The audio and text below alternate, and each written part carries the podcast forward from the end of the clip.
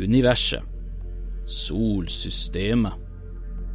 Vi er alle kjent med planeten Jorda, men en planet som bemerker seg veldig, det er Saturn, den nest største av planetene i vårt solsystem. Og hva er det å si om planeten Saturn, Henrik? Jo, det er en gøy konsoll, det. Vent, Eh, vent nå litt. hva er den lyden der egentlig for noe? Å, herregud, Segata! Nei,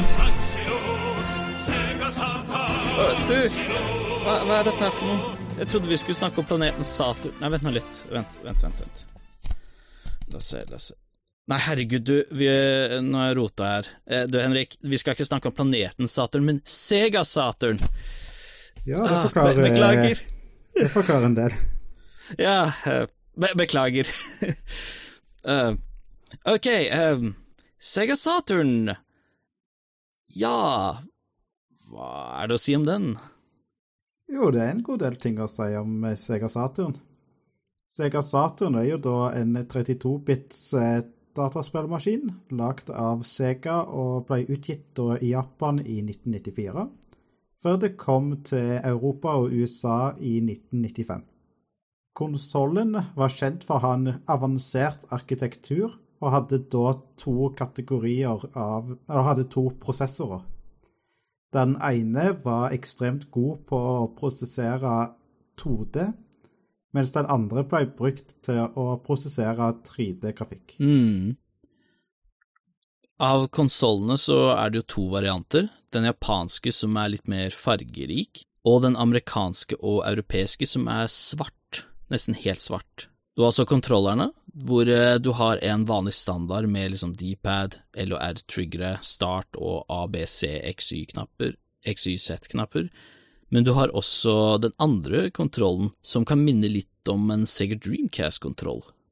Mm. Det er da en eh, analog stick-kontroll som da kom ut eh, rett etter Nintendo 64-kontrollen, og var sånn en showpiece-kontroll til annet spill som Nights Into Dreams, som kontrollen ble utvikla for. Mm. Sånn sett så har vi jo egentlig snakket om Sega Saturn før, men en kjapp refresher kan vi jo gjerne ta. Til å begynne med så denne 32-bits-maskinen skulle jo egentlig bli utgitt eh, i september i 1995, men pga. grunn av Sega ble litt nervøse, så pusha de det til mars, og det skapte jo ekstremt, ekstrem frustrasjon for eh, samtlige spillselskap som plutselig fikk mye tidligere deadline enn planlagt. Mm. Og ikke nok med det, de hadde jo bare gjort klar rundt en eh, 30 000 konsoller til lansering. Og det var jo ikke i nærheten av eh, nok som gjorde at eh, flere leketøysleverandører nesten eh, tok og boikotta Sega Saturn på grunn av det. Ja, sånn sett så forstår jeg det. Altså, når du lanserer noe som er mye tidligere enn planlagt, da skjønner jeg at folk eh, ikke syns det er så gøy. Mm. Når det kommer til hvordan den håndterer spill, den er veldig flink til å håndtere 2D. 3D derimot er nok ikke den konsolls sterke side.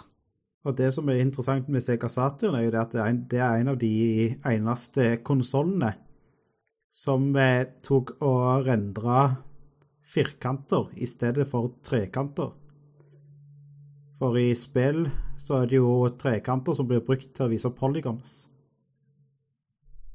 Det skapte jo en del på en måte komplikasjoner for en del selskaper som var mer vant til å programmere ting med triangles. Og sånn sett, hvis du sammenligner eh, spill som kom ut på både Sega Saturn og PlayStation 1, så ser du at PlayStation 1 er mye flinkere til å håndtere spill som Resident Evil, Tomb Raider, Croc Legend of the Gobos og Pandemonium.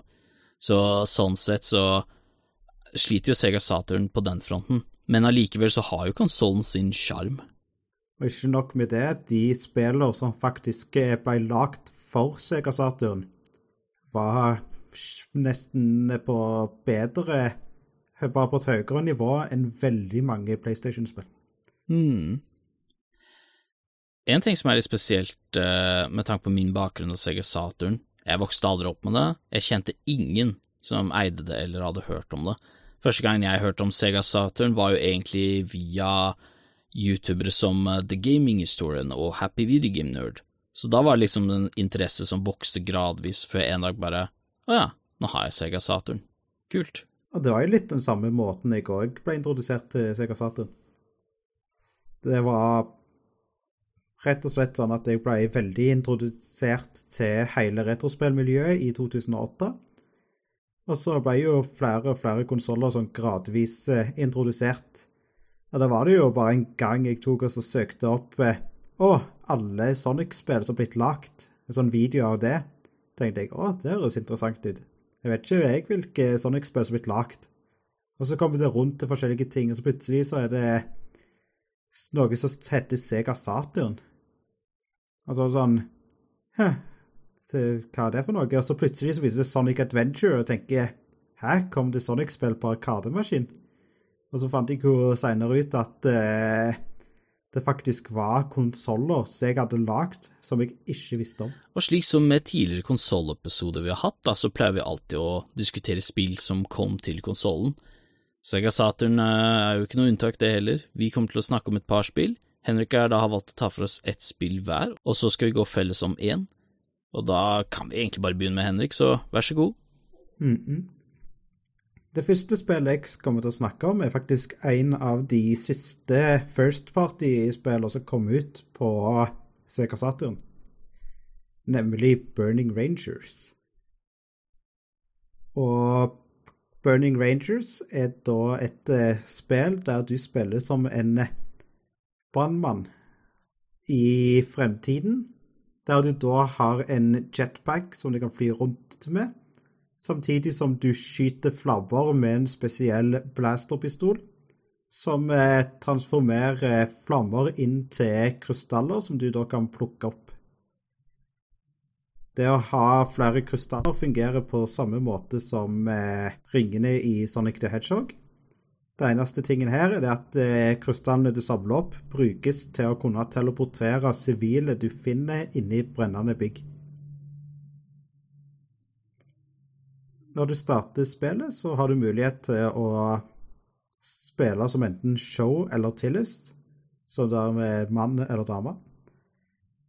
Og målet ditt er jo da å komme seg raskest mulig gjennom de fire banene som er i spillet og samle sivile, sørge for at du har minst mulig brannskader, og på en måte bare ta minst mulig skade. Klarer du alle de tre tingene der, så får du den beste highscoren, og det scores eh, Det gis highscore når du er ferdig med en bane. Det her virker jo ganske interessant, fordi det er ikke så mange videospill jeg kom på hvor du spiller som en brannmann, så det er kult de får en representasjon nå. Ja da, og det er sånn eh, Det visuelle med dette spillet her er jo ganske bra til å være Sega Saturn. Det minner nesten litt om et spill du kunne ha funnet på Dreamcast, og Sonic Team gjorde jo en skikkelig god innsats med dette spillet her. Det som er kanskje det kuleste elementet med dette spillet her, som var kult eh, når det kom ut, og fremdeles ganske kult i dag, er nemlig Chris, som da er en sånn medhjelper som navigerer deg rundt omkring i de forskjellige områdene du vandrer rundt i. Med å trykke på en knapp, så vil Chris gi deg beskjed om akkurat hvor du skal gå. Og hvis du på en måte peker en retning, og du skal gå bakover, så vil du si Chris, og så får du et svar du må gå tilbake igjen opp denne veien. Så det er sånn helt utrolig hvor detaljert den beskriver hvor du skal gå, basert på hvor hen i områdene du er. Kult. Hvordan er eh, stemmeskuespillet i spillet, da? Det varierer med for eksempel du har Chris og du har Joe og noen sånt som er ganske gode. Og så har du jo selvfølgelig den typiske 90-talls uh, I'm scared! Help! og mye sånne ting. Så det er en sånn mixed bag. Det er noe dårlig og noe ganske decent. Men noe som er veldig bra, derimot, er musikken. Det er sånn eh, brannmannskap, sånn skikkelig sånn funky musikk. Og sånn, hæ? Eller iallfall funky musikk der det spilles, for når de vandrer rundt i de forskjellige områdene, så er det faktisk nesten ingen musikk. Det er bare eh, lyden av eh, flammer og andre objekter i nærheten. Immersive, I guess. Ja, ja, det er ganske immersive. Mm. Så hvis uh, en person hadde kommet opp til deg og sånn Hei, du, Burning Rangers, eh, anbefales det? Hva ville du sagt? Jeg ville anbefalt det ganske bra. Det er et av de aller beste spillene jeg har spilt på Sega Saturn, og det har ekstrem det har ekstrem replay value. Så du kan spille det igjen og igjen og igjen og igjen, bare for å bli bedre på å kjenne igjen banene, hvor de sivile befinner seg, og få bedre og bedre high score. Dette er da et spill som er meint til å spilles eh, Dette er et spill som er designa for å bli mestra. Og selv om at det er få baner, så har du på en måte mulighet til å spille de mange ganger og fremdeles eh, ha det gøy. Ja, det er det som holder det tilbake, at det er litt kort, egentlig?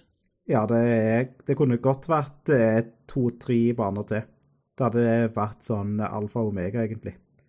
For det som er interessant, er at banene i seg sjøl er ganske store for sin tid.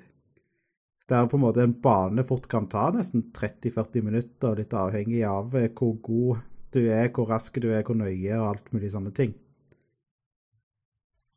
Mm. Så det er jo ganske grei lengde allikevel i de banene. Men det er bare det der når det kun er fire baner, så føler du at det spillet ender for raskt.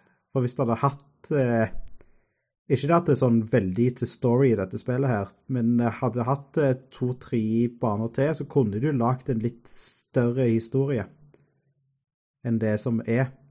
For historien er bare OK, du går rundt, du finner de, du finner de sivile, du stopper en eller annen boss som f.eks. er et sånn hemmelig laboratorieeksperiment. Du slår det.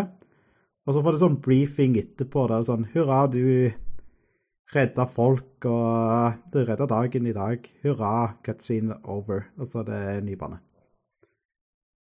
Ja, jeg ser den. Så fra ett Sega Saturn-spill til et annet, så er det slik at um, folk En av de spillene folk er ganske kjent med på Sega Saturn, det er jo et som heter Nights Into Dreams.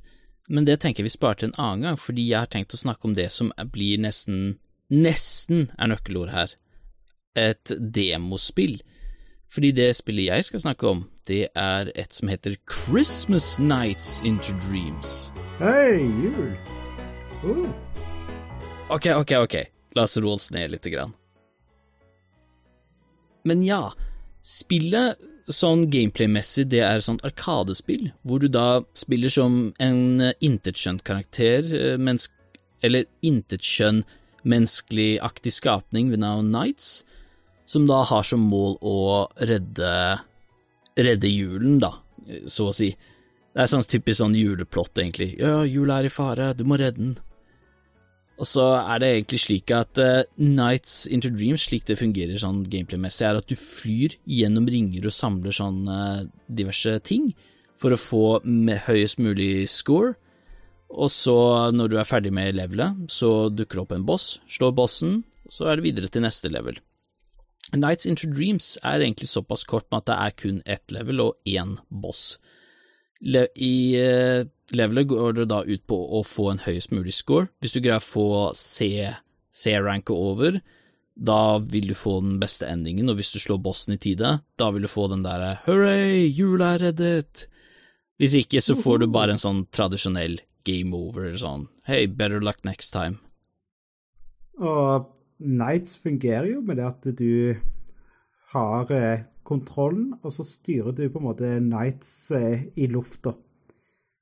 Som regel så styres Nights på en fixed linear path, men du kan bestemme høyden med hjelp av analogspaken, som beveger Nights i en vinkel på 360 grader. Mm. Nights bruker jo da Flyene bruker jo da Nights flyr jo da rundt gjennom forskjellige hindringer og gates, og poenget er jo da å samle mest mulig poeng. Mm. sånn sett så er jo det et veldig kort spill der, altså du fullfører det på en time. Soundtracket er liksom det skriker jul, så det er ikke mye sånn sett å si. Men her er det litt artig med denne quote unquote demoen, og det er at hvis du stiller om datoen på konsollen på Sega Saturn, så vil faktisk spillet forandre seg avhengig av hvilket tidspunkt på året du har satt det til. Hvis du for eksempel setter det til november, så vil du se at julepyntene er liksom i gang med å henges på. Spiller på nyttårsaften, så er det nyttårsaftenstemning. Enten du spiller på påske eller halloween, så vil du ha dekorasjoner basert på det, og hvis du spiller 1. april, så vil du spille som en av skurkene i Nights into Dreams. Så sånn sett så blir jo dette her en slags expansion pack som gir deg egentlig mye mer content enn det du egentlig tror. Mm. Ja, det er egentlig bare en sånn kul gimmick som bare fungerer, fordi at Sega Saturn har jo sin egen in game-kalender. Ja, det var sånn eh, Det er kult at de har det med. Mm. De hadde ikke trengt å gjøre det, men wow, altså det betyr jo egentlig at dette her er ikke et spill som for eksempel Santasia hvor du er nødt til å spille i løpet av desember. Den her kan spilles egentlig hele året rundt, og så får du forskjellige leveler i hermetegn. Mm. Og det fungerer jo som et bra komplimentspill til selveste Nights into Dreams. Men visste du at det går faktisk an å låse opp en hidden, en gjemt karakter i Christmas Nights? Nei, det visste jeg ikke. Hvordan Du kan faktisk låse opp Sonic. Uh, kult. Og da spiller du en spesialversjon som de kaller for Sonic Into Dreams, der du da egentlig vandrer rundt i julebanen og fullfører mål da med Sonic, som da bare beveger seg langs med bakken, før han da til slutt, eh, etter å ha fullført alle målene, slåss mot eh, Dr. Eggman.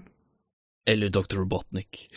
Så det er sånn eh, bare kjekt at de har med det òg, som en ekstra bit. Mm. Det er liksom, det her gjør det egentlig om til en av de mer unike spillene, fordi liksom, selv om den heter Christmas Nights into Dreams, så er, er dette her i hvert fall en av de kuleste expansion-packene, eller demon, eller hva du enn har lyst til å kalle det her. Det at den er veldig fleksibel med tanke på hvilket år du kan Hvilken tidspunkt på året du vil spille det på, så er liksom Hei, det gjør det i hvert fall verdt å sjekke ut. Ja, det er det ingen tvil om. Så enten du spiller dette før eller etter jula, eller faktisk når det er jul, det er egentlig helt opp til deg. Felles så har vi jo valgt å ta for oss et uh, lite spill ved navn Sonic Jam. Å oh, nei, vent, jeg sa det feil. Det er Sonic Jam! Ja, det er bedre. Ingenting slår bra Sonic syltetøy. mm. Pinnsvinsmak, my favorite. Og dette spillet her har jo noe til felles med de to andre spillene vi har snakket om tidligere. Og det er det at alle de tre spillene ble utvikla av Sonic Team. Mm. Så Sonic Jam kan vel nesten bli sett på som uh, Segas Super Mario All-Stars, med, med at det er en port av Sonic 1, 2 og 3 pluss Knuckles på en og samme disk. Mm. Pluss at det har en overworld der du da beveger en 3D Sonic rundt omkring i en større verden med litt forskjellige minigames som du kan fullføre, samtidig som det har en del bonusting som Art Gallery, promovideoer fra forskjellige ting, og mer. Mm. Hvis dere vil vite hva vi syns om Sonic 1 til 3 og Knuckles, så anbefaler vi å sjekke ut episode 16. Der går vi litt mer i dybden på det. Men sånn sett, det at du kan velge forskjellige vanskelighetsgrader for de, uh, disse spillene du spiller, og at Sonic 1 og 2 endelig har en save feature, det er et stort pluss. Ja, det er det helt definitivt. Og ikke nok med det, det var jo mange som i sin tid sa at åh, du klarer aldri å få Sonic til å fungere på 3D på Sega Saturn. Og da var det litt trist at dette her kom ut i slutten av 1997. For det kom jo ut og viste hei, du kan faktisk lage et ganske bra Sonic-spill i 3D. Så det var egentlig litt sånn ne, kult å se, men òg litt sånn trist at det eneste egentlig vi fikk av 3D Sonic, var den demoen der. Med mindre du teller Sonic R, men uh, Det snakker vi ikke om. Nei, we do not talk about that game. Men alt i alt, uh, ja, hva er det å si om Sonic Jam, Henrik? Anbefales det? Ja, absolutt. Hvis du da Det er et spill som er relativt eh, rimelig å skaffe seg til Sega Saturn. Og bare til å være compilation, så er det bare greit, for da slipper du å skaffe deg alle eksemplarene av eh, Sonic 1, 2 og 3 separat, selv om at det er seinere samlinger. Men det er det at de har en del quality of life features, som da blant annet saving. De har lagt til litt flere moves, som blant annet spin dash i Sonic 1. Og det er jo rett og slett bare en fin eh, måte å spille Sonic-spill på. Så absolutt. Hvis du har en Sega Saturn og du vil gjerne spille et Sonic-spill, definitivt skaff deg Sonic Jam. Ja, du går iallfall ikke feil med det. Ja, så alt i alt eh, Sega Saturn, selv om den hadde en clunky start, så er det liksom Om ikke det er alle spillene i dets bibliotek som interesserer deg, så er det i hvert fall noen spill som burde interessere deg. Liksom, Hmm. minst én vil du finne som er sånn Det her vil jeg prøve ut. Og kanskje det som òg var verdt å nevne, var i det at eh, Sega Saturn i USA og Europa ble jo fort glemt og egentlig bare lagt til side.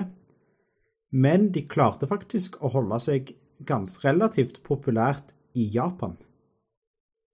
Der det faktisk eh, slo relativt eh, bra an i forhold til f.eks. Nintendo 64.